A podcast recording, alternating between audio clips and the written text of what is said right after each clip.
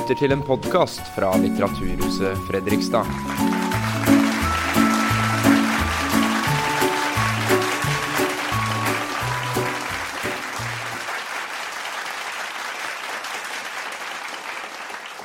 Eh, Hjertelig velkommen til Litteraturhuset. Jeg heter Kristin Rosenberg og er leder for Palestinakomiteen i Fredrikstad. Som også organiserer medlemmer av Palkom i Østfold. Eh, Vi har en voksende medlemsskare, og det er vi jo glad for. Eh, Og her på Litteraturhuset har vi vært flere ganger. Vi har et utmerket samarbeid med huset. Eh, Jeg skal si litt om, om opplegget. Vi kjører uten pause. Først en times samtale med disse herrene som jeg skal introdusere behørig etterpå. De åpner så for spørsmål fra salen med en mikrofon som kommer til å gå rundt, så alle kan høre. Eh, og så eh, regner vi oss ferdige her inne sånn rundt kvart over åtte eller noe sånt. Eh, Etterpå så er det anledning til for det første å forsyne seg med informasjonsmateriell fra Palestinakomiteen. Og de som er opptatt av palestinernes sak, eh, kan også da gjerne melde seg inn i Palestinakomiteen om så ønskes. Så er det ikke minst boksignering og mulighet for, altså for å kjøpe boka til Odd Karsten Tveit eh, og få den signert etterpå der ute. Eh, Det var det jeg hadde tenkt å si innledningsvis praktisk sett. Og så vil jeg gjerne ønske velkommen til Odd Karsten Tveit for annen gang her i huset. Og til Frode Rekve. Disse to herrene skal geleide oss eh, gjennom en times tid med interessante kunnskaper og betraktninger omkring gudfaren Trygve Lie. Jeg tror ikke det er nødvendig å si noe så veldig mye mer om disse to mennene her. De er vel kjente. Odd Karsten Tveit, mangeårig journalist og ikke minst forfatter av sprenglærde og også spennende bøker. Eh, Frode Rekve, som skal bade Odd Karsten Tveit, eh, har vært eh, leder av eh, Institutt for journalistikk i mange år. Og jobbet som journalist og redaktør før det også. Hjertelig velkommen skal dere være. Vi gleder oss alle sammen. Tusen takk.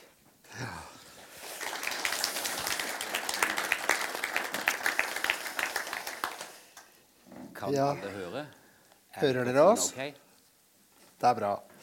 Um, ja, altså det er sånn Noen av dere har kanskje hørt det før, men jeg sier, jeg sier Odd Karsten fortsatt. Ja. Er det greit? Ja, det er greit.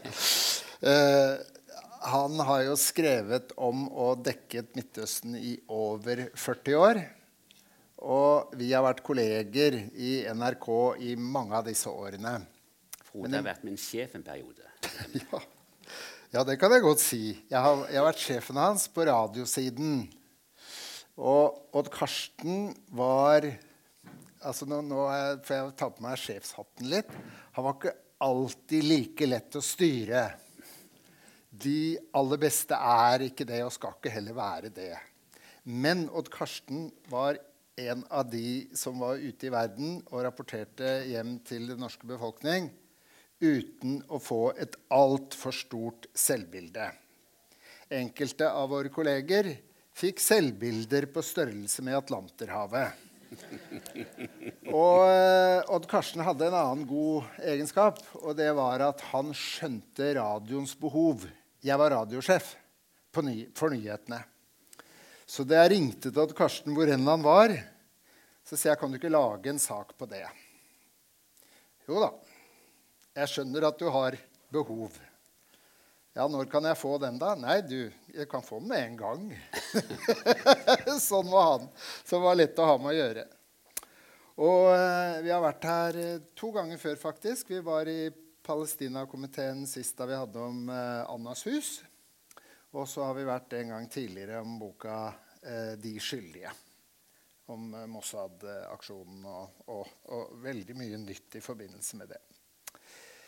Og da vi hadde om eh, salongen i Jerusalem, eh, som handler jo mye om det som i dag er bygningen, i hvert fall, American Colony Hotel i Jerusalem, som du er veldig glad i, og som jeg Jeg har ikke vært der så mange ganger som deg, men jeg har vært der noen ganger.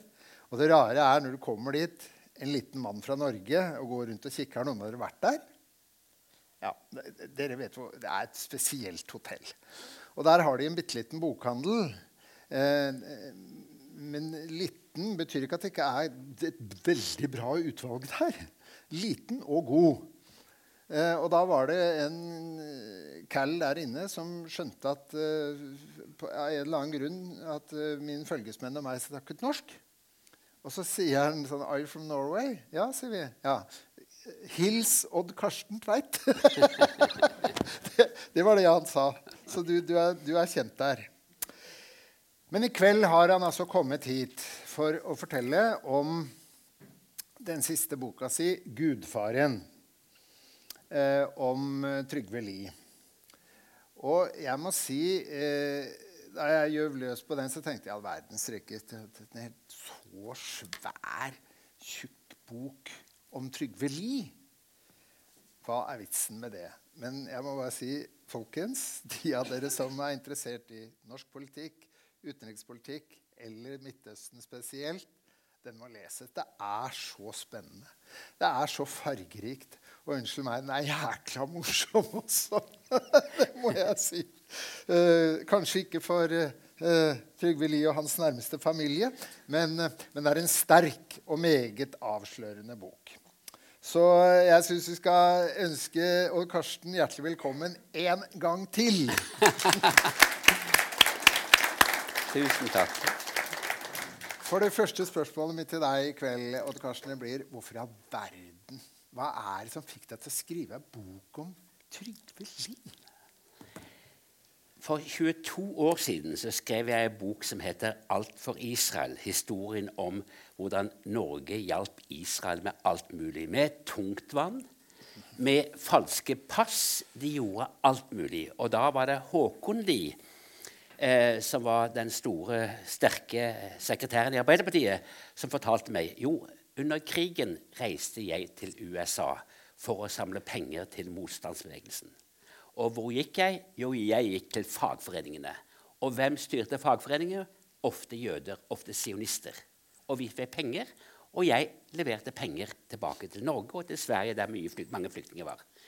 Så etter krigen, når sionistene ville ha sin egen stat, så stilte vi ikke spørsmål.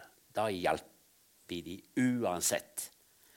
Og så må jeg si, i slutten av boka kommer Håkon Lie tilbake igjen. Og da sier han i 1967 så reiste jeg ned som reporter når Israel tok Øst-Jerusalem, Gazastripen, Golanhøyden og Vestbredden. Da var han, Det skrev jeg også om, for det er en fantastisk historie da han reiser ned som journalist, men sekretær i Arbeiderpartiet, og driver propaganda. Men så sier han da som 102-åring at han hadde snakket med Golda Meir og med Ben Gurion, som var Israels første statsminister, og Shimon Peres. Og jeg sa til dem da at dere må trekke det tilbake. Dere gjør det samme som tyskerne gjorde. Dere tar land som ikke er deres. Og de lovet det, men de gjorde det ikke. Så da han var 102 år, så sa han jeg ble lurt. Vi ble lurt. Og som jeg har i begynnelsen av boka, hvis etterpåklokskap førte til klokskap, så kunne mye vært tilgitt. Men det er det åpenbart ikke. Det har ikke ført til mye etterpåklokskap, det som har skjedd. Nei. Men um, det, altså, da jeg vokste opp jeg er Helt ærlig Pappaen min er fra Grorud i Oslo. Pappa sa Trygve, det var Han er mer berømt Trygve Lie fra Grorud. Han var en alminnelig gutt fra Grorud. Han vokste også aleine opp hos mora si. Han blei mer berømt enn kongen. Han er nesten mest berømte mannen i verden. Han skal vi være stolte av, Frode, sa han. Og dette bildet som far ga meg, det har jeg båret med meg nesten helt til faktisk jeg begynte å lese denne boka. Og da må jeg si at jeg sitter nå igjen med et helt annet bilde. Altså. Fy a meg. Hva er det som jeg- jeg skjedde med Callen, da? Ja, først må jeg si at eh, da jeg skrev denne boka eh, 'Alt for Israel', eh, så kom jeg over de første tingene som Trygve Lie gjorde i all hemmelighet med sionistene.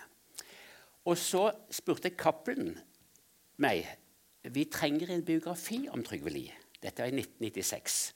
For det har ikke vært skrevet noen skikkelig biografi om Trygve Lie. Han tok jo rommet selv. Han skrev mange bøker da han kom tilbake igjen fra, fra, fra FN. Så sa jeg nei, jeg skal jobbe med Midtøsten. Jeg skal ikke lage en biografi, men jeg synes jeg bør ta kontakt med en historiker. For en historiker bør skrive den store biografien om Trygve Lie, arbeidergutten fra Grorud, som da klatrer opp og har en eventyrreise og blir generalsekretær, og hans tid i etter, etter eh, han var generalsekretær. Så jeg, de fikk tak i en historiker. Jeg ga det materialet jeg hadde eh, om Trygve Lie, i 1996. Og det gikk mange år. Ingen biografi kom. Og for to-tre år siden så fant jeg nytt materiale i israelske arkiver. At det var enda verre. Han hadde brutt sitt ed enda verre. For han skulle da som generalsekretær Han tok eden om å være en uhildet generalsekretær. Han skulle ikke la seg styre av noe land, ikke noen organisasjon. Og så drev han i all hemmelighet med kollaborering med sionistene. Og det fant jeg i israelske arkiver. For det var nemlig slik at de som ble sendt ut for å få Trygve Lie på kroken, for å si det slik, før staten var blitt realitet, de måtte rapportere hjem til Jerusalem. Og dermed så kom alle detaljene om Trygve Lie. Møtte de i all hemmelighet hjemme hos seg selv, tok ordre fra de. Ja, Vi skal komme inn på det senere. Men da tenkte jeg nei, nå må den boken skrives. Ikke biografien, men en vinklet portrett. Så jeg håper at det kommer en biografi om Trygve Lie om kort tid som tar for seg hele personen. Jeg har vinklet det, et skarpt portrett, og konsentrerer meg spesielt om FN-tiden. Vi, eh, vi skal, som eh, Odd Karsten sier, straks liksom tegne opp tegne eh, Trygve Lie på lerretet her. Men når du er nå er inne på det Kan du fortelle litt om metodene dine før vi går løs på det? Fordi jeg har talt opp I denne boka her så er det 863 fotnoter. Og personregister, stedsregister, over 17 sider på to spalter. Så det er, det er mye RB, for å si det sånn. Hva er det, Ta bare et lite ris av hvordan du har jobba med dette her. fordi jeg, jeg blir sliten bare ved tanken. Jeg er ikke sånn, dessverre. Jeg vil at leserne skal se meg i kortene. Det er to ord som er forbudt i mitt manus her. Det er 'jeg tror'. Jeg tror ingenting. Jeg skal dokumentere. Og da må leserne se meg i kortene. Og her er det da dagbøker, her er det arkiver og sånne ting. Det koster ingenting. Når du leser, så ser du at noen sa det. Hvor har han det fra? Så går han bak og finner fotnotene. Så det, det, er ikke, det, er ikke, det, er ikke vanskelig å lese, for de ligger ikke i, på sidene. Så det har vært så viktig. Og så er det da bøker, amerikanske, britiske, andre bøker, der det finnes en eller annen setning om Trygve Lie som da de har tatt med i det store bildet om FN. Og så har du noe som heter oral history. De store amerikanske universitetene har brukt mye tid på å intervjue tidligere FN-ambassadører, tidligere ministre og sånne ting. Og de ligger på nettet. Du kan søke på nettet i de ulike universitetene. Og da får man de utroligste historiene som de forteller om Trygve Lie. Ambassadører som har jobbet under han, visegeneralsekretærer som har jobbet under han. Og det kan vi komme tilbake til, for det er så grovt. Men har det vært vanskelig å finne alt kildematerialet? Eller har det vært greit? Har folk stått fram? Har det vært lett å finne? Ja, altså, jeg har jo en del av disse møtte jeg allerede på 1990-tallet, da jeg da laget dokumentarer fra Midtøsten og ble kjent med mange folk i, i FN-systemet. Og ble kjent med masse folk. Noen er døde nå, men det har vært to års arbeid og 40 års erfaring. Så det, du skummer fløten av ting du har gjort tidligere. Ja, men Så bra. Men skal vi ta litt altså, uh, uh, Trygve Lie han, en fantastisk lang, fasettert og sterk politisk historie. En viktig person i kongeriket Norge. Uh, både før, under og mest av alt etter krigen. Hvis jeg tar bare raskt et riss av hvem var denne gutten som pappaen min fortalte om fra Grorud, og som da havna i London-regjeringen under krigen som utenriksminister. Kan du dra det Ja, Trygve ble født i 1896 på Grünerløkka. Eh, faren hadde stukket til USA. Snekkeren viste seg aldri igjen, og Trygve fikk ikke lov å nevne farens navn for mora senere. Mora eh, eh flytta til Grorud, for det var industriområdet. Eh, gruver. De la dobbeltspor jernbane til Lillestrøm. Og Der startet hun en liten kafé og et lite pensjonat for arbeidsfolk. Trygve lærte seg fort å lese, og som niåring så leste han avisene. Men det var ikke så mange aviser, og det var ikke mange som leste godt av de arbeidsfolka. Så han leste høyt og ble interessert i politikk. Men det var en lærer på skolen som så her er noe spesielt med guttunge. Så han hjalp han inn på gymnaset. Og det var ikke vanlig at arbeidsfolk fra østkanten hadde råd til å gå i gymnaset. Og samtidig fikk han den inn i Arbeiderpartiet. Så han ble liksom tatt imot og var med selv og bygget opp lokale arbeiderpartilag allerede som tenåring. Og I tillegg var han en kjempegod sportsmann. Så han var flink til å spille fotball og tennis og brytning. Og hadde evnen til å bli kjent med folk som ikke var fra arbeiderfamilie. Så han hadde en egen evne til å Han var et, sosialt dyr. Ja. Og så klatra han i systemet. Tok juridikum. De var overrasket over at han klarte juridikum, for han var aldri på lesesalen. Han drev politikk. Men tok juridikum. Og så ble han ansatt som LO-advokat. Og Der forteller Håkon Lie at eh, han gikk i rettssaler og forsvarte arbeidsfolk i arbeidstvister. Og det hendte mange ganger at dommerne fikk tårer i øynene når de hørte Trygve Lie fortelle om hvor fælt arbeiderne ble behandla. Han hadde veldig sånne, han hadde nærmest litt sånn demagogiske evner der tidlig. Men han var ingen, som ungdom var han ingen jødevenn. Han var jo ikke noe sånn spesielt snill mot jødene. Ja, det kom litt senere. Det var når han da eh, i 1935 ble justisminister, da Arbeiderpartiet og Bondepartiet eh, ble enige om at Arbeiderpartiet kunne danne en regjering, så valgte Nygaardsvold Trygve Lie som justisminister. Den yngste justisministeren i regjeringen. Han var 39 år. Da hadde han allerede vært på masse spennende ting. Han hadde vært i Moskva, møtt Lenin, møtt Trotskij. Han hadde eh, vært med på, på, mange spennende ting. Så han, når han kom inn i regjeringen, så hadde han vært kommunist. Han var blant de i Arbeiderpartiet som sa ja til Cominform, denne eh, Eh, eh,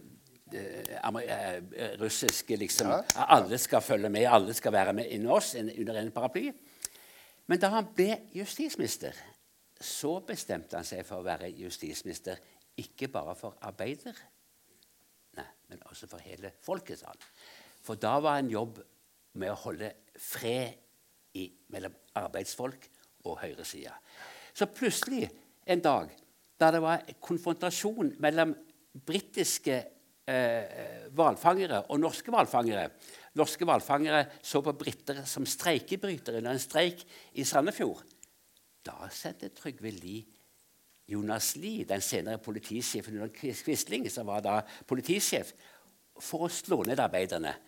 Da var han sterkt imot igjen. Så han var en pragmatiker, for da så han på faren for at det kunne bli en konfrontasjon mellom England og Norge. Det var viktigere enn å støtte arbeidsfolk. Så det gjorde han også. Og så kom Hitler til makta på 30-tallet. Og jøder ville komme seg vekk. Men justisminister Trygve Lie hadde ingen særlig sans for å få jøder, hjelpe jøder til Norge. Så da var han og regjeringen svært negative. Men de var ikke alene. Eh, ingen europeiske stater ville hjelpe de tyske jødene med å få, få bo i de andre landene. Og også USA. Det var et skip med 900 jøder som flyktet fra Nazi-Tyskland i 1939, som kom til USA. Amerikanerne sendte dem tilbake igjen. Og Senere viste en israelsk forsker at 600 av de 900 jødene omkom under holocaust. Så Trygve Lie var en pragmatiker som da ikke viste særlig velvilje overfor de jødiske flyktningene. Og det viser også at han var antisionist, akkurat som mange amerikanere som ikke ville ha jøder inn til USA, for de rett og slett ville ikke ha jødene der. Og Grunnen til at jeg vet at Trygve Lie var antisionist, er noe jeg tror Jeg fant et brev i Nasjonalbiblioteket som han hadde skrevet på 30-tallet, der han omtaler C.J. Hambro, stortingspresidenten for Høyre, som en slu jøde. Dette brevet skulle selvfølgelig ikke bli kjent, men det viser seg altså hvordan da denne antisionismen også var blant de som senere gikk inn for Israel. Dette skal jeg komme tilbake til, for det er ganske interessant. Eh, sånn at da, Det du sier nå, som du har godt belegg for i boka di, er at eh, den unge hva skal vi si, førkrigs- og underkrigstrygve Lie utviklet fabelaktige, usedvanlige kanskje, evner til å være pragmatisk, til å snakke med flere parter og til å bli en virkelig en liksom handlingens mann. Som ordna opp. bare fortelle, Det har jeg fra boka. Jeg var ikke klar over det. Men det er altså Trygve Lie som skrev den første hovedavtalen i Norge. Altså det vi kaller for arbeidslivets grunnlov mellom LO og den gangen en av eh, Norsk Arbeidsgiverforening. Ja. Uh, Han skrev utkastet til den, ja. og virkelig ja, den, den, den, står i dag, den dag i dag. Den, ikke sant. Og, og um, under krigen i London-regjeringen, så eh, var jo han på mange måter også en av de store gutta. Han var liksom sjefen. Han ordna opp noe forferdelig. Absolutt. Spesielt etter at han hadde fått skubba vekk den daværende utenriksministeren Halvdan Kåt og selv ble utenriksminister. Ja. Så viste seg han at han var den sterkeste, beste mannen i regjeringen. Eh, ifølge da de som da observerte dette. Og da ser vi også tidlig tegn på en mann som ikke er helt til å stole på. Trygve Lie hadde, apropos en annen bok, Jon Michelet sin Trygve Lie hadde det politiske ansvaret for, de, for handelsflåten og hvordan det senere gikk med Nortraship. Så det er mange spor som leder inn mot mot, uh, mot, gudfaren her på mange områder. Men hvis vi hopper litt nå eh, Kom hjem Han var, uh, som du skriver, livredd for å falle ut. Alle i denne London-regjeringen var det. Det gjaldt å komme seg hjem til Norge, for der var det en hjemmefront og et hjemmeparti som hadde grep om alt. Og disse som satt i London og hadde styrt, de var litt redde for å bli sett på som de som stakk av. Sånn at det gjaldt å komme seg hjem og få posisjoner. Og, ehm, og da kan vi liksom Det greide den jo. Og så hopper vi til da eh, stormaktene ville danne Utvikle eh, Folkeforbundet til De forente nasjoner. Fortell litt om hvordan Trygve manøvrerte seg inn og kom på banen i dette da, da De forente nasjoner skulle ja. etableres. Trygve Lie var jo med på åpningen av forhandlingene i San Francisco om, om FN. Men som du sier, han, når, når, freden kom, så ville han tilbake igjen. Så han ble ikke med på hele forhandlingene. Han kom tilbake og eh, eh kom inn i den nye regjeringen som eneste person i tillegg til eh, Oskar Torp. Men det interessante var, som jeg har funnet ut senere, etter at den boka var skrevet, som jeg skal ta med i et nytt opplag, hvis det blir et opplag, det var at eh, Einar Gerhardsen og de andre som satt i Sachsenhausen, de satt allerede i 1944 og drøftet hvem skulle komme i den nye regjeringen etter når friheten var kommet. Så ble det sitert rett, et, sitat jeg har fra nesten The Horse's Mouth, at da sitt, sier da Einar Gerhardsen han vil helst ha Halvard Lange, den senere utenriksministeren, til å bli utenriksminister. Og så sier de men hva skal vi gjøre med de som sitter i London? Så sier Halvor Lange de gir vi faen i. Men Da Gerhardsen skulle danne regjeringen, så, han, så ba han kong Haakon om råd. Og kong Haakon sa dere bør vi ha med iallfall to fra den gamle regjeringen. Og det ble Trygve Lie og Oskar Torp. Og det godtok sentralstyret i Arbeiderpartiet. Dette har jeg ikke sett så mange andre steder. At det kongen var den i grunnen som fikk Trygve Lie inn i regjeringen etter krigen. Og da, ble, da var han faktisk utenriksminister eh, da en kort periode i, før, han ble, ja. før han ble generalsekretær. Og så da eh, ble FN dannet. Og så eh, var det en fin historie at Trygve Lie med familien første fredsjulen så dro de til fjells. Og første juledag satt de ved, ved frokostbordet og spiste. Og plutselig så, så de en skiløper komme oppover. Og Trygve Lie ble eh, sur. Hvorfor skulle han bli forstyrret noe første juledag? Men da skiløperen kom fram, så så han det var Knut og imellom, han som da var bygda. Og da han hørte hva han kom med, så ble han glad. For det var nemlig et telegram fra UD, eller fra USA via UD, som spurte om Trygve Lie var villig til å stille som president i hovedforsamlingen. Og det sa han ja til. Men han ble ikke president i hovedforsamlingen, for russerne hadde en annen plan. De ville ha han heller som generalsekretær. Det var en viktig jobb. Mm. Så når da eh, den kampen skulle avgjøres, hvem som skulle bli generalsekretær, så eh, ville amerikanerne ha Trygve Lie fordi de trodde de kunne manipulere han. De trodde han var et land som skulle være med i Nato. De var ikke i Nato enda. Russerne tenkte det er vår mann. Og grunnen til at de trodde ja, det var vår mann, det var da at da Trygve Lie var justisminister og ikke ville ta imot de jødene som flyktet fra Tyskland. Men han sa ja til å ta imot en jøde fra Russland, Lev Trotskij, som Stalin hadde funnet ut var en fare for sin egen. Da Lenin døde og Stalin ble leder, så så han på Trotskij som en konkurrent, og han ble forvist. Bodde en, per en, periode i Tyrkia og i Paris. Og der mente folk i Arbeiderpartiet på venstresiden i Arbeiderpartiet i Norge at han var utrygg og ville gjerne gi ham asyl. Og Trygve Lie, justisministeren, var med og ga han asyl. Men så begynte russerne å pirke borti. De ville ikke at han skulle være der, de ville ha han vekk. De ville ha han drept.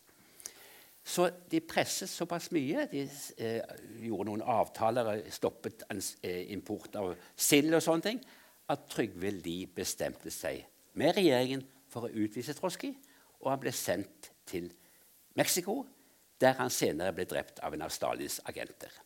Dette var da russernes holdning da Trygve Lie ble vurdert som generalsekretær. Han er vår mann. Så for en gangs skyld, selv om den kalde krigen var begynt, så var russerne, eller sovjeterne amerikanerne enige. For han, han, var altså både russerne, eller sovjeterne og, og, og amerikanernes mann. Ja. Men ikke engelskmennenes. Nei, Engelskmennene hadde sett så mye av Trygve Lie under krigen i England at de syntes ikke han hadde de kvaliteter som en generalsekretær burde ha. Men de to store. Og til slutt ga franskmenn etter, og til slutt satt bare britene igjen. Og så sa de OK, da. Ja. Eh, og så da i, um, i 1946, da det, denne store, fantastiske organisasjonen FN ble etablert, så ble altså Trygve Lie, gutten fra Grorud, den første generalsekretæren. Ja. Det var jo veldig fantastisk stas for han som person, men også for nasjonen Norge. Det var jo en ære å få den første eh, generalsekretæren i FN. Selvfølgelig. Men før han ble valgt, eh, så jo, måtte jeg jo be eh, sentralstyret i Arbeiderpartiet om å få lov til å stille. Og Det er en, en fascinerende historie at, at Håkon Lie sier at vi kom på sentralstyremøte. Og Trygve satte seg ikke på sin faste plass, han satt på liksom en fremstående plass og spurte om det var i orden at han ble stilt som generalsekretær.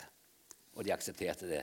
Og så pirka Håkon Lie borti Konrad Nordahl, sjefen for, for LO, og sa verden vil styres av små menn.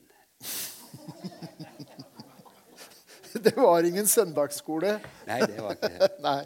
Men nå må vi ta tak i Israel-spørsmålet igjen. Fordi altså, som vi vet, etter, under og etter krigen, og særlig da i sluttfasen av krigen, så ble jo verden, og særlig også amerikanerne, da fikk øynene opp for hva i all verden det var som hadde skjedd med jødene i Tyskland.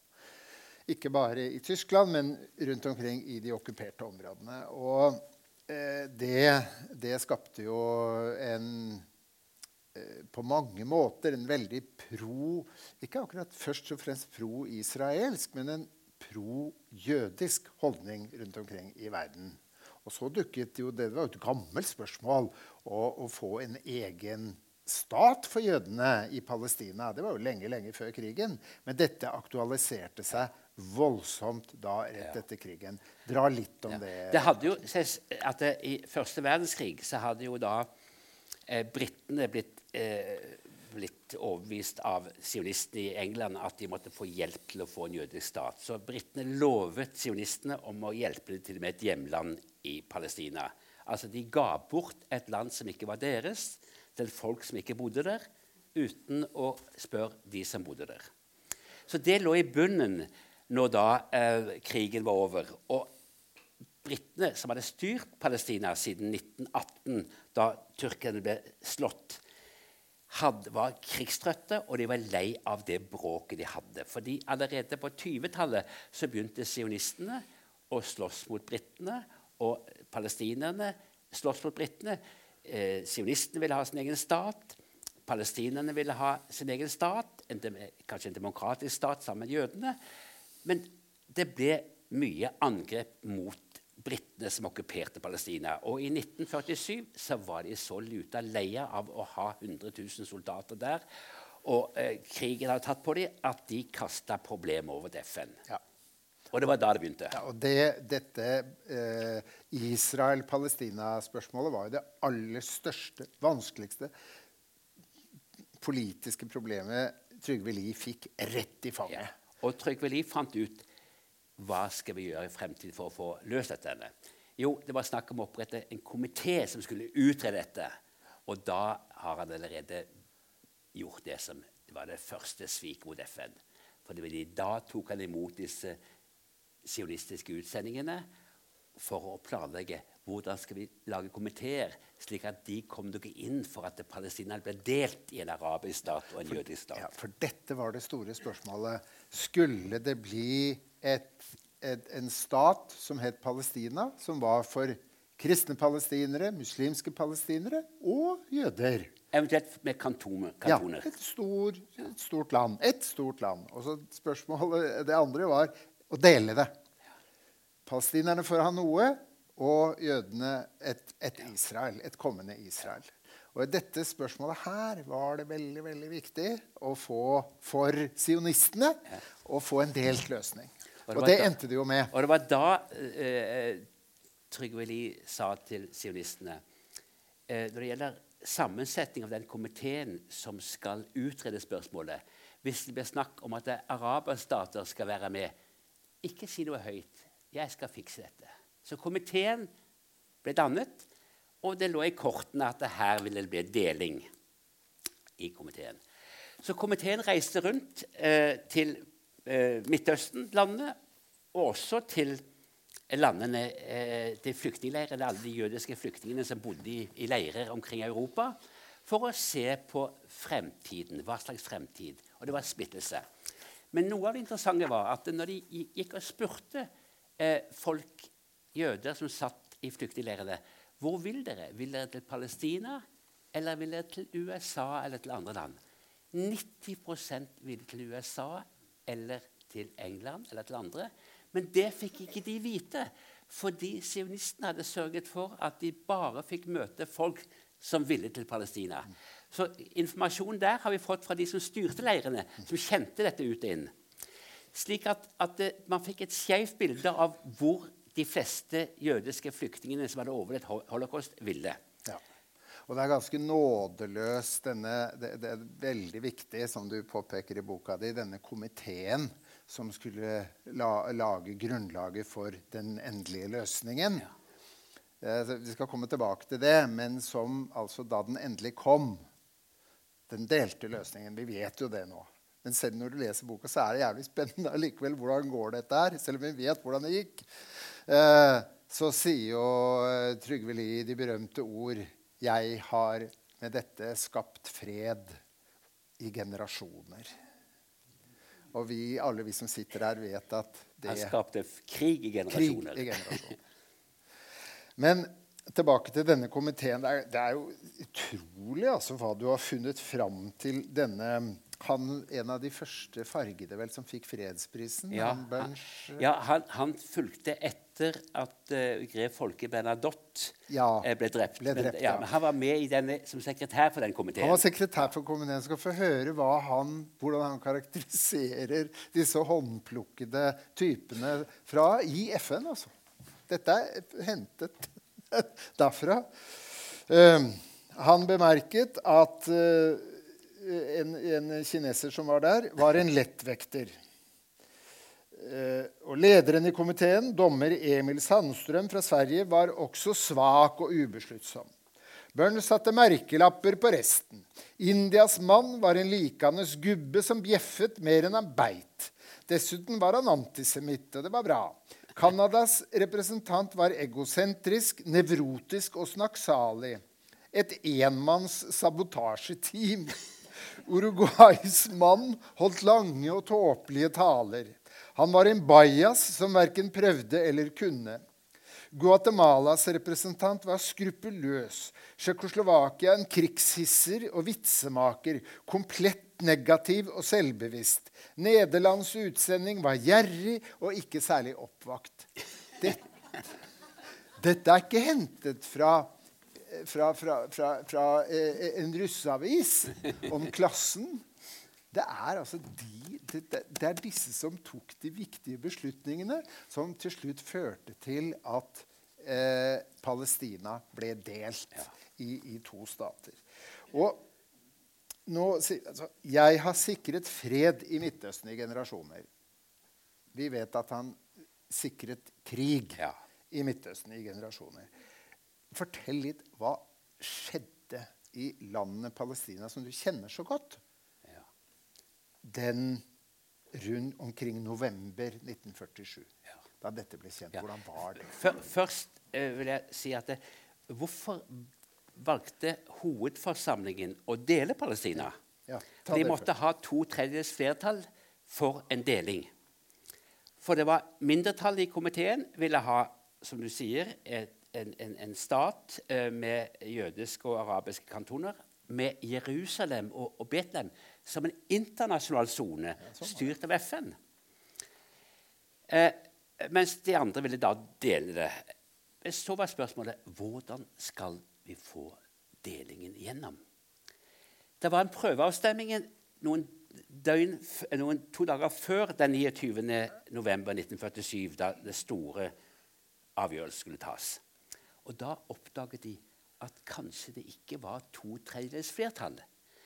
Så de begynte med filibustertaktikk, med å snakke, lese fra Bibelen for å unngå en avstemning. Og så var det helligdag, eh, en torsdag. Det var altså eh, Hva heter de amerikanerne har denne Thanksgiving Day. Så da var det ikke dis- diskusjon. Og så satte amerikanerne inn, ved hjelp av sine sionistiske venner, alt det de kunne.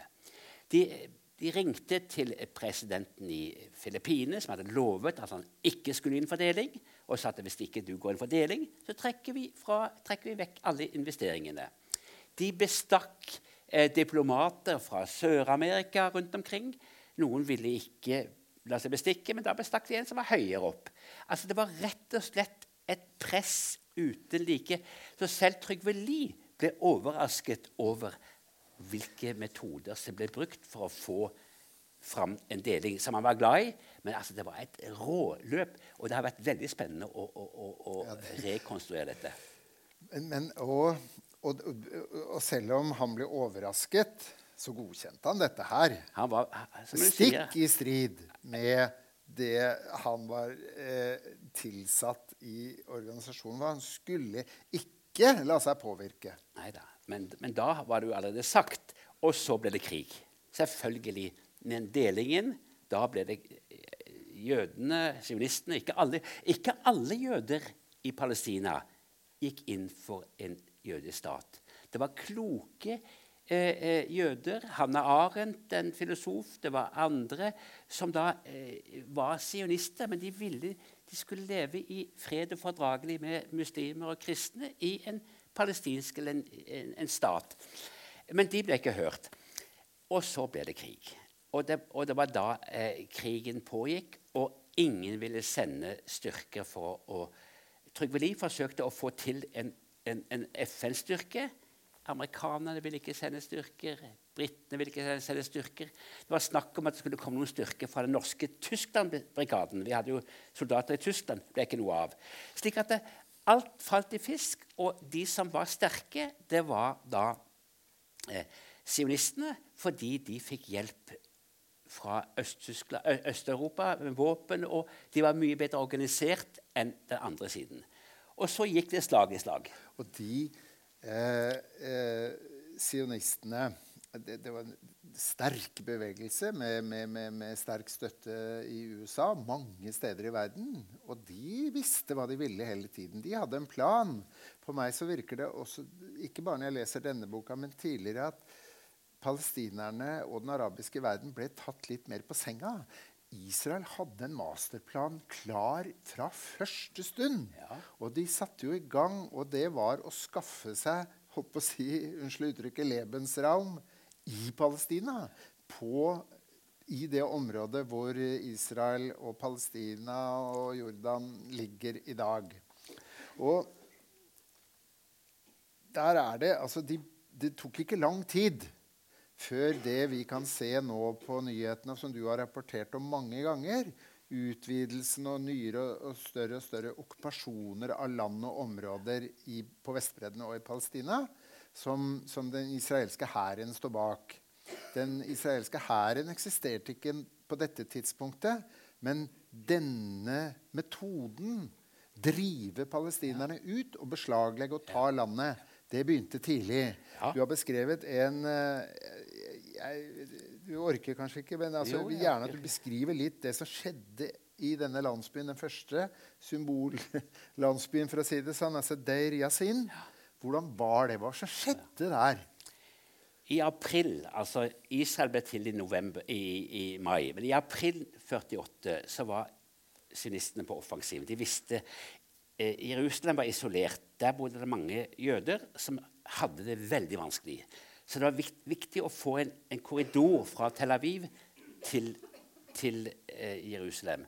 Og der var det rett og slett etnisk rensing som de satte i gang. Eh, men det var en landsby eh, som da eh, Der Yasin like utenfor Jerusalem, der ordføreren hadde inngått en avtale med Haganah, som var den største organisasjonen for sionistene om at de skulle være i fred. For de hadde ikke sluppet inn arabiske frivillige under kampene. Men så bestemte andre seg for å ta den likevel. Og det ble den store massakren i april 1948, der eh, eh, alle gikk inn, ikke bare de ytterliggående sionistene, men også Haganah, og drepte kvinner og barn. Og eh, Utad ble det sagt det var 200 som ble drept. Etterpå fant vi ut var ca. 100. Men Menachem Begin sa hadde ikke vi tatt Deryasin og fortalt det til alle andre landsbyer altså, Hvis ikke dere nå forlater landsbyene, så skjer det samme med dere som det skjedde i Deryasin. Så hadde vi kanskje ikke fått en stat. For det var det som ble brukt som en propaganda. Vi dreper kvinner og barn. Og, og vi skal ha alt dette.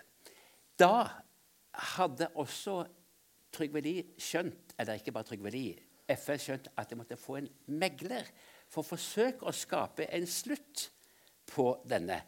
Men den kom ikke i gang før Israel da ble stat i, 48, i, i mai 48. Mm. Da ble grev Følke Bernadotte sendt ned for å forsøke å ja. bli megler og få slutt på krigen. Men da hadde israelerne tatt mer og mer land Langt utover det de skulle ha ifølge delingsplanen. Så det gikk altså ikke mer enn ja, det gikk i og for seg ikke mer enn noen timer før levende var i gang. Og, og, et halvt år etter delingsbeslutningen så var eh, massakrene og flyktningspørsmålet i, i, virkelig fullt rullet ut. Og én ting var jo det problemet da som Trygve Lie og FN fikk i fanget. Det var krigshandlingen, krigen. Regulær krig. Og et enormt voksende flyktningeproblem som vi har der enda. Og eh, den Det var da, det var da eh, Bernadotte ble sendt. Ja, og, og, ja, og, Bernadotte ble valgt ut. Eh, av og til føler jeg har sagt alt før, men jeg, jeg, jeg har ikke snakket om Bernadotte her før nå. Bernadotte han ble valgt som megler etter at Israel, israelske utsendinger hadde avtalt med Trygve Lie at jo, denne svenske grev Folke Bernadotte han reddet jøder under krigen. Han er pro-jødisk. La han bli megleren. Så kommer han til Palestina, og så ser han noe helt annet. Han ser ikke at det er israelerne som er de snille. Han ser hvordan de går på offensiven, og opplever at de har forvist 30 000 fra to landsbyer og kommer opp og ser flyktningleirer. Han hadde sett flyktningleirer før, men han beskriver jeg har aldri sett at folk har det så fælt. Så han begynner å bli mer balansert og begynner å klage til israelerne og si at han må la disse menneskene få komme tilbake til sine hjem. De vil ikke. De lyver. Og så begynte israelerne å gå til Trygve Lie og si at denne mannen, megleren han, han er ikke på vår side lenger. Så sier Trygve Lie ikke bry dere om han. Dette fikser vi. Så han stolket sin egen mann i ryggen for at eh, israelerne skulle gå på offensiven videre. Og han mente at han hadde kontroll med Bernadotte. Bernadotte ble drept, han. Men ikke av, av, av eh, den israelske regjeringen, men av ytterliggående organisasjoner. To stykker. Eller, eh, men den som ga ordren, ble senere statsminister i Israel, Yitzhak Shamir. Og mannen som drepte Bernadotte, han ble senere livvakt for David Ben-Gurion. Ingen ble arrestert, og det såret er fremdeles ikke grodd i forhold til Israel og, eh, Israel og, Sverige. Men det viser igjen da dolk Trygve Lie også sin egen fredsmegler i ryggen. Mm. Det, hvordan, altså, eh, eh det er jo uh, ting som tyder på da uh, grev Folke Bernadotte kom til Israel, eller til Palestina Nei, Israel, Israel, som, som, som fredsmekler. Ja. Holdt til på Rodos, styrte og ordna, hadde ressurser for å få til ting. Har du noen eksempler på hvordan Trygve Lie da bevisst motarbeidet Eh, sin, eh, sin, sin, svenske Den viktigste mann i, i, i felt ja. i, i den, disse operasjonene. Ja, Han ga interne rapporter, hemmeligstemplede interne rapporter til israelerne, slik at de kunne forberede seg på å forhandle med Bernadotte, som drev fredsmekling. For eksempel. Ga de til israelerne før de skulle gå og snakke med Folkebernadotte? Blant annet kort, dette. Viste kortene ja, vi, vi var med og hjalp dem. Det er, bare, altså, det er et mønster her. Altså. Det, det, det, er for detaljert å gå inn i alle, alle tingene. Men det, det er et jo, mønster hvordan han virkelig dolket sin Og når da Bernadotte var drept, og Ralph Bunch, denne mannen som da hadde vært med i komiteene, som var Bernadottes assistent, også ble fredsmegler etterpå. Igjen drev Trygve Lie og motarbeidet han. Eh, for eksempel, før Bernadotte var død, så spurte de kan ikke Trygve Lie komme til Midtøsten. For vi trenger støtte. Så gikk Trygve Lie til Eban, som da var den, hans nærmeste på Israels side. Så sa Arba Eban nei, ikke dra. De bør komme til deg. For de ville ikke, sionistene israelerne ville ikke at Trygve Lie skulle komme og se på dette. Og Dessuten så sa eh, Trygve Lies nærmeste medarbeider sir Brian Urquhart som senere ble visegeneralsekretær, at Trygve Lie var en feiging. Han ville ikke dra til et konfliktområde. Men det er det noe han skriver selv. Altså. Men, men, han fulgte Israelens råd ikke å dra ned. De fikk være alene og slåss med israelerne. Men så klarte da etter hvert Ralph Bunch å få eh, eh, freds, ikke fredsavtaler, men, men våpenhvileavtaler med nabolandene. Og det var det som gjorde at da Ralph Bunch i 1950 fikk Nobels fredspris for å ha lagd våpenhvile med Syria, med Egypt, med Jordan og Libanon. Og Da eh, ville ikke eh, Bernadotte ta imot fredspris, For han sa jeg er bare en alminnelig FN-tjenestemann. Eh, Men Trygve Lie sa jo, det er godt for FN, ta imot den.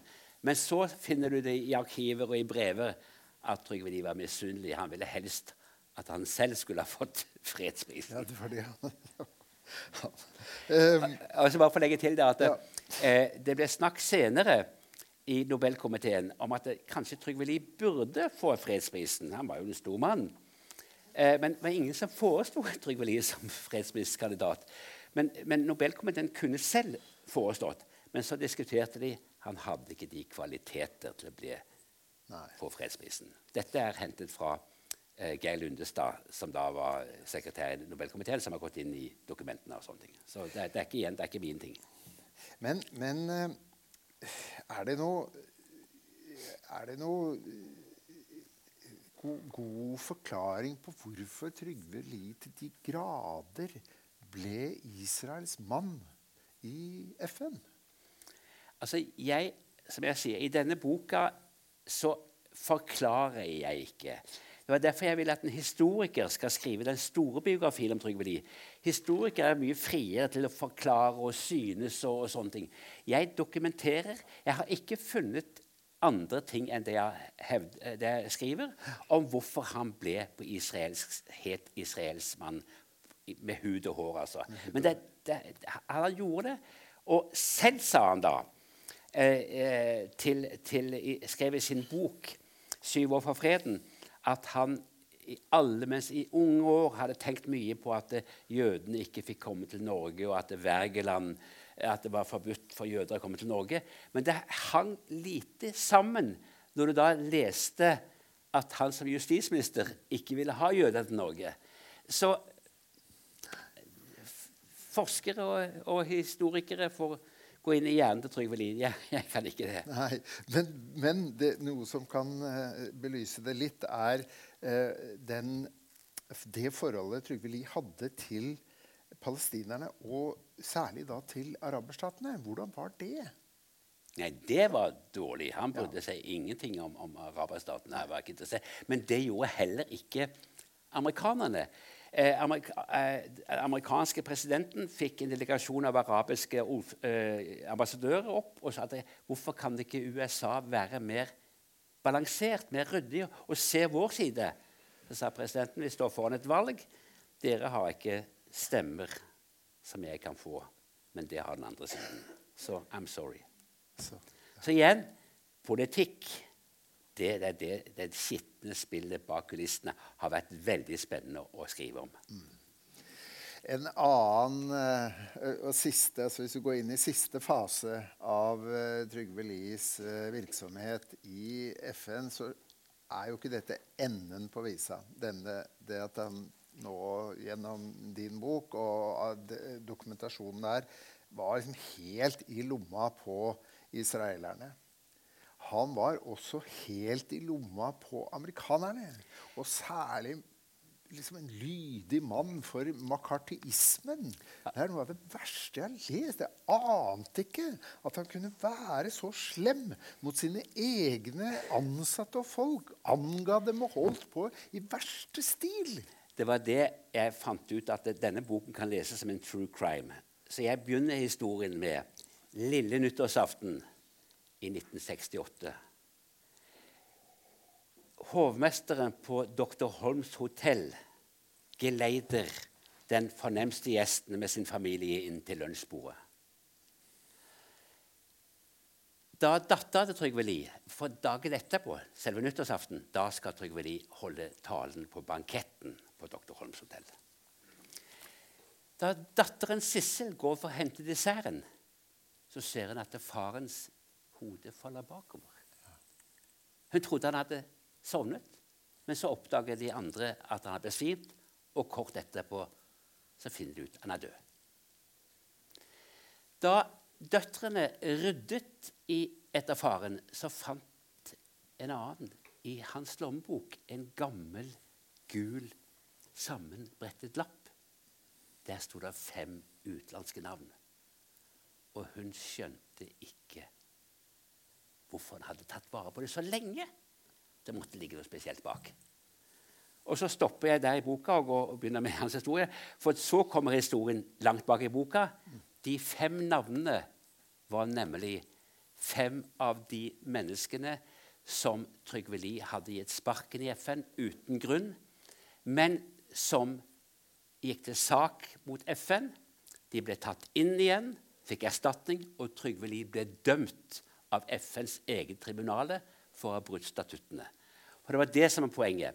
At Da jakten på kommunistene i USA begynte med merkatinismen, så ble det også press på at det kanskje det var mange kommunister i FN. Men FN skulle være en organisasjon som ikke skulle ha noe med de enkelte stater å gjøre. Det skulle være en uhildet, en, en, en, en uavhengig administrasjon. Men Trygve Lie gikk inngikk en hemmelig avtale med State Department å være med og mistenksomme Folk som kunne tenkes å ha vært på venstresida, ble sjekket av FBI og slike ting. Han slapp til og med FBI inn på kontorene for å ta fingeravtrykk. Men dette ble han altså dømt for. Derfor at det går an å si i undertittelen av boka 'Generalsekretæren som sviktet FN'. Ikke bare overfor Midtøsten, men også overfor det at han gikk imot sine egne folk. Lot sine egne folk få sparken. Av uten grunn, bare fordi de var mistenkt for å være kommunister. Eh, og så, etter eh, da at eh, eh da det begynte å gå mot slutten, det begynte å bli for mye altså, det, Han ble en vanskelig mann å ha der. Det, det, ja, Han ble boikottet av russerne. Ja. Altså, Sovjeterne en periode boikottet Og det hadde noe med først med at eh, eh sovjeterne ville ha Mao-Kina inn i Sikkerhetsrådet istedenfor Nasjonalist-Kina, når Mao, kommunistene hadde tatt over. Men det ville ikke amerikanerne. Og da gikk de ut. Vi ville ikke være med i Sikkerhetsrådet. Og da gjorde sovjeterne den store tabben. For da, eh, i 50, da Nord-Korea invaderte Sør-Korea, så var jo ikke russerne med i Sikkerhetsrådet. De kunne ikke legge inn veto. Og da gikk Trygve Lie amerikanernes vei og lot den amerikanske hæren få bruke FN-flagget i sin kamp. I. Og det var det som gjorde at uh, russerne ville ikke snakke. Men de så bort fra De tok han ikke i hånda. Ingenting. Først etter at Trygve Lie motstridende han, han, han, gikk av, for han, han kunne ikke fungere. Men det han håpte på da han, da han sa nå orker jeg ikke mer etter syv år For han kunne ikke fungere. Russerne ville ikke skrive brev til ham. De gjorde ingenting. Så sa han jeg går av. Han håpet da at stormaktene ikke kunne finne en etterfølger. At de skulle tigge og be kan du ikke fortsette noen år til.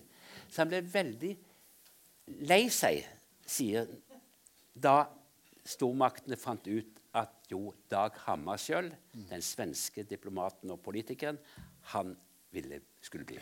Og fortell hvordan han eh, omtalt og behandlet da ja. sin etterfølger. Bare et par eksempler. Ja, ja, det, ja, det var, For det er så, det var så grovt. Altså. Så da, da Kammersjøl kom til, til eh, Sikkerhetsrådet gikk inn for Dag Kammersjøl, men det var jo selvfølgelig nei, hovedforsamlingen som skulle avgjøre vil vi godta, vil vi anerkjenne den nye generalsekretæren. Da gikk Trygve Lie rundt og snakket stygt om Hammarskjöld. De sa han er homse. Og den gang var eh, homoseksualitet forbudt i USA og i Norge, men ikke i Sverige.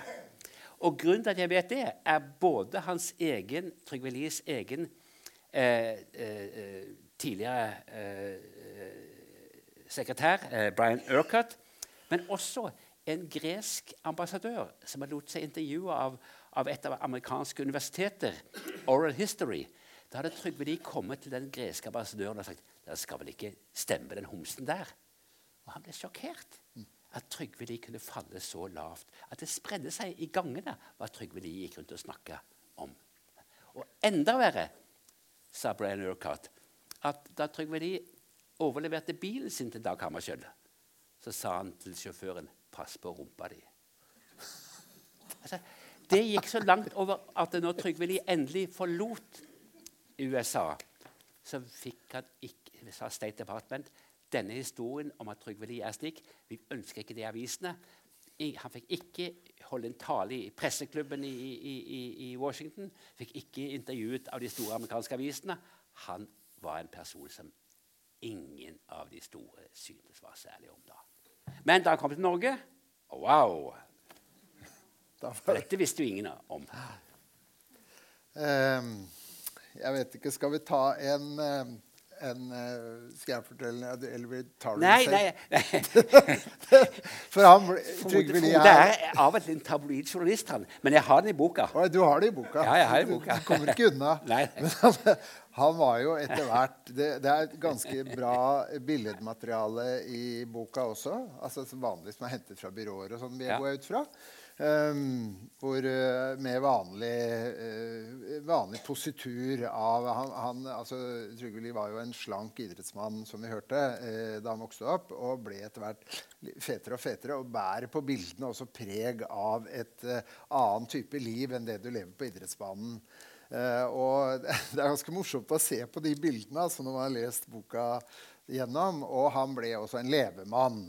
Eh, som du også beskriver, at han syntes ikke det var så morsomt å være med på juletrefesten i Arbeiderpartiet når Einar Gerhardsen skulle, skulle danse, ha danseleik og slikt noe. Han ville, likte seg best på restaurantene, og med, ikke bare én, men mange flasker på bordet.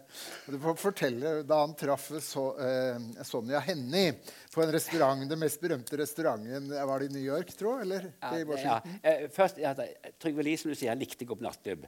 Men han ville eh, ikke selv innrømme det av og til. Så han bestilte av og til bord i et annet navn.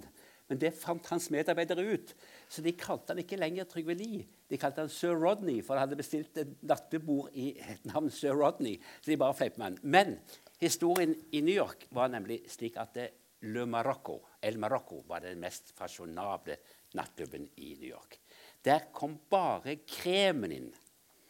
Og en av de som alltid fikk et godt bord, det var isdronningen Sonja Hennie.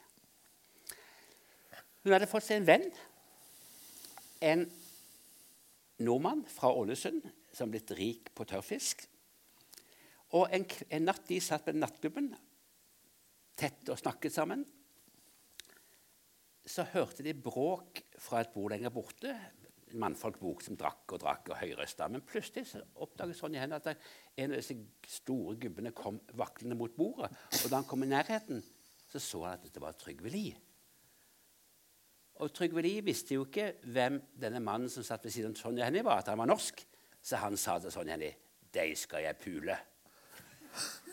Og Sonja Hennie hun ble sjokkert, men så reiste hun seg. Og så smelte hun til han på den ene siden og smelte til ham på andre siden. Så vakla han tilbake og unnskyldte seg. Dagen etterpå fikk Sonja Hennie 100 roser fra generalsekretærens kontor med en unnskyldning. Hun snudde lappen og skrev 'kyss deg i ræva' og sendte dem tilbake igjen.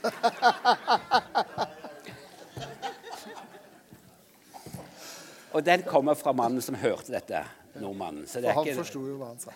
Ok, Jeg tenker vi setter strek der. Skal vi gi Odd Karsten en applaus?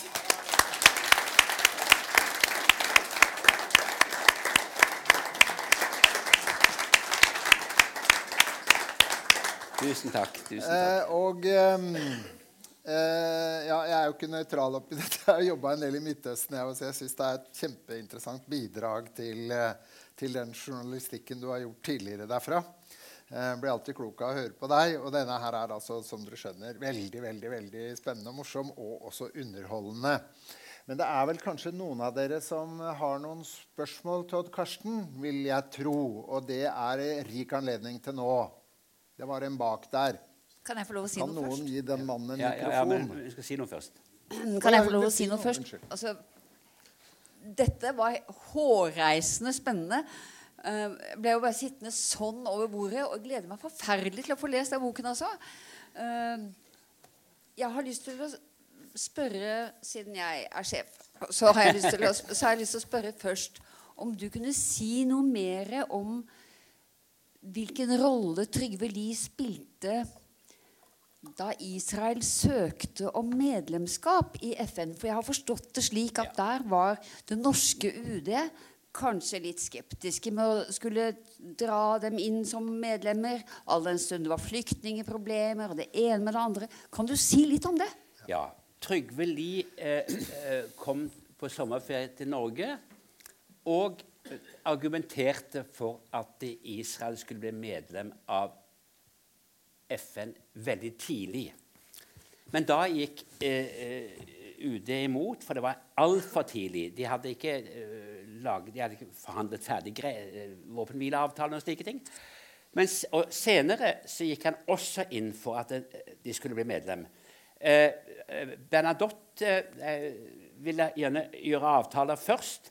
UDs folk sa spesielt en som heter Peter Anker, som hadde vært i Folkeforbundet.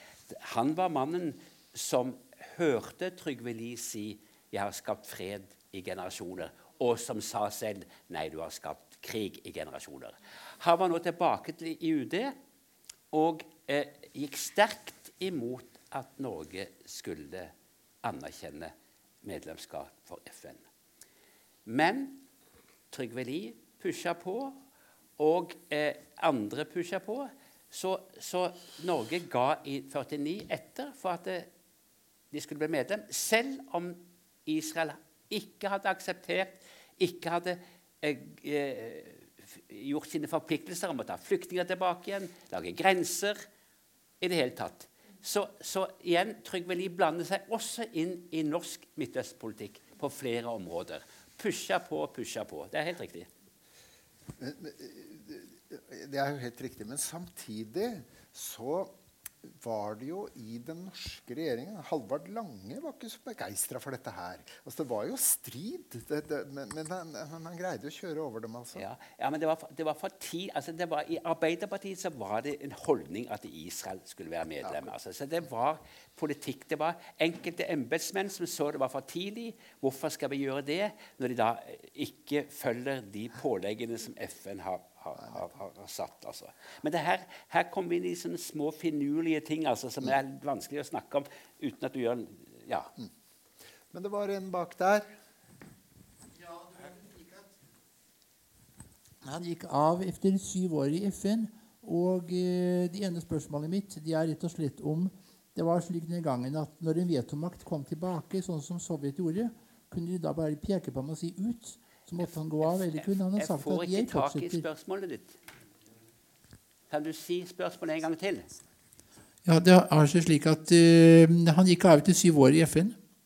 Uh, måtte han gå av? Uh, var det slik at en vetomakt når som helst kunne forlange at en generalsekretær gikk av hvis vetomakten i dette tilfellet Sovjet ønsket det? Det er det ene spørsmålet. Og det andre er hvordan det var med statene utenfor Sovjet. Var det slik at Israel fikk støtte veldig mye fordi USA sa at de som vil være med i Nato, de må støtte oss i vår politikk. Og dermed også støtte opprettelsen av Israel på den måten det var foreskrevet, og få den inn i FN. Jeg skriver ikke så mye om uh, de statene uh, rundt. Jeg skriver om Trygve Lie mye. Men, men, det er klart Trygve Lie valgte selv å gå av da han gikk av etter syv år. Men det var fordi det var umulig for han å være en fungerende generalsekretær. Eh, så han gjorde det av fri vilje, men håpet, ifølge hans egne medarbeidere, at eh, Sikkerhetsrådet skulle be ham fortsette likevel. Men, men han, han, var, han, var, ikke funksjonsdyktig i den siste tiden. Var det flere? Nei. Jo. Han i lilla genser der. Bare et lite spørsmål om eh, kilde. Eh, Brian Urquhart Brian Urquhart, er han å betrakte som en troverdig kilde? Eh, Brian Urquhart har skrevet flere bøker om Hammarskjöld og om, om, om eh, egne memoarer.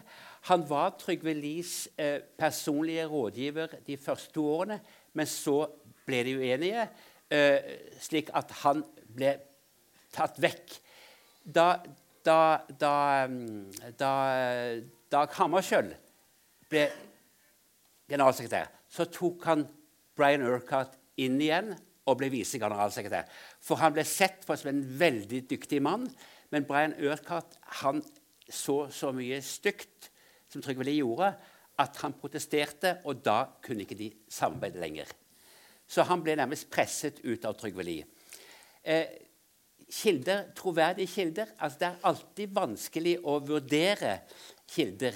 Men det er viktig å angi hvor jeg har det fra. Så jeg bruker eh, eh, Sir Brian Urquharts eh, bøker og intervju. Jeg har intervjuet han også. Eh, I flere av de tilfellene der han eh, sier noe, f.eks. han påsto at Trygve Lie var, var eh, antisemitt, så har jeg jo da hans egne, altså Trygve Lies egne brev som, der han skriver om sin holdning til jøder. Slik at det, en kilde er jo aldri helt troverdig, for det er alltid eh, bias. Men, men, det går ikke jeg inn på. Jeg bruker kilder som jeg anser eh, for, for eh, å kunne bruke, spesielt når det blir skrevet, og andre er med og støtter opp om de synene. Ok. Det var enda en. Ja, jeg har bare et spørsmål. Hadde Trygve Lie Da han slutta, var han jo 56 år eller noe sånt. Men han ga seg.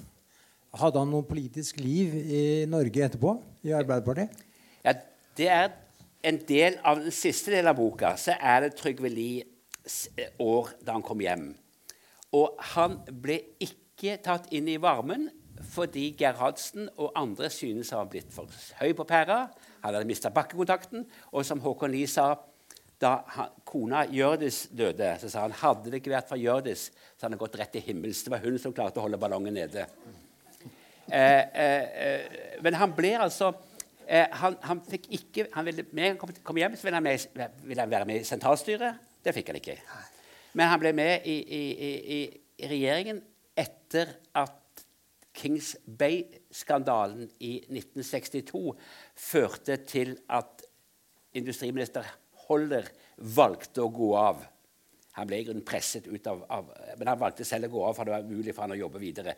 Da ble Trygve Lie inn, kom inn av Gerhardsen fordi Trygve Lie hadde en standing i det norske folket ja. som var så viktig. Så han ble industriminister og gjorde, eh, ifølge det jeg har eh, lest, en, en ryddig jobb som industriminister. Eh, og det interessante var, var også at eh, Finn Gustavsen, som veltet regjeringen etter Kings Bay-debatten eh, ja. eh, Han eh, snakket veldig hardt om Trygve Lie og skjelte han ut på talerstolen. Og Trygve Lie skjelte eh, han, sin Gustavsen. Men så snakket de sammen i korridorene, og da skrev Finn Gustavsen jeg likte Trygve Lie, men jeg turte ikke å si det til mine partifeller. en annen som likte godt Trygve Lie, var kong Olav. Han hadde et godt forhold til Trygve Lie. Og eh, kongehuset rett og slett spurte Trygve Lie til råds. F.eks. først da, da eh, Harald begynte å, å, å, å date Sonja i all hemmelighet så gikk eh, kong Olav og sa til Trygve Lie kan ikke du få Harald vekk fra dette. Han må finne seg et kongelig blod. Det sa Trygve Lie det vil jeg ikke ha noe med å gjøre. Men senere, da kongen skjønte at Harald sto på sitt, så gikk han igjen til Trygve Lie. Tror du at regjeringen og norske folk vil akseptere dette? Ja, da var det en borgerlig regjering. Du får gå og spørre Borten. Og da var det enigheten der. Så han ble brukt av kongehuset til en sondering. Så han hadde ikke, Det var ikke alle som syntes han bare var en, en, en fjott. En, en, forferdelig gammel narr, som eh, LOs sjef kalte han. Altså. Det, eller Håkon Lie kalte han. Så han, det, det, jeg, jeg, jeg, forsøker å ta veldig mye positivt med. F.eks. Jens Evensen synes Trygve Lie ble stemoderlig behandlet da han kom hjem fra USA. Dette har jeg òg med. Så jeg forsøker å tegne et bilde av et, av et menneske. Er, det, er jo, det, er noe med at, at det, medgangens farlighet, farlige vei altså, for mye medgang i perioder gjør at enkelte mister bakkekontaktene. Det ser vi mye i min bransje. At du mister Ja, bakkekontakten. og så står jo eh, eh, FN-senteret i New York der på Ja. en måte etter han. Det det. Og, og de internasjonale styrkene har han mye av æren for at det blir Absolutt. Og han loset menneskerettighetserklæringen gjennom i FN. Ja. Han lagde generalsekretærens stilling til et potent redskap. Eh, de som dannet FN, ville at generalsekretæren kanskje skulle bare være en, en, en- sekretær, ikke general. Men de som fulgte etter Trygve de ble, kunne være mer general enn sekretær, fordi han hadde lagt til rette for at generalsekretæren kunne gripe inn aktivt mye mer enn han selv var, hadde stand til å gjøre. Så det er, er mange sider. Det er derfor jeg ønsker en stor biografi om Trygve Lie. Jeg er vinklet og skarp. Meget skarp. Takk skal du ha, Odd Karsten.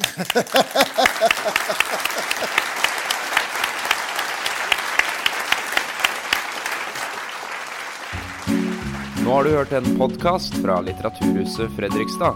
For mer informasjon, klikk deg inn på lytthusfred.no.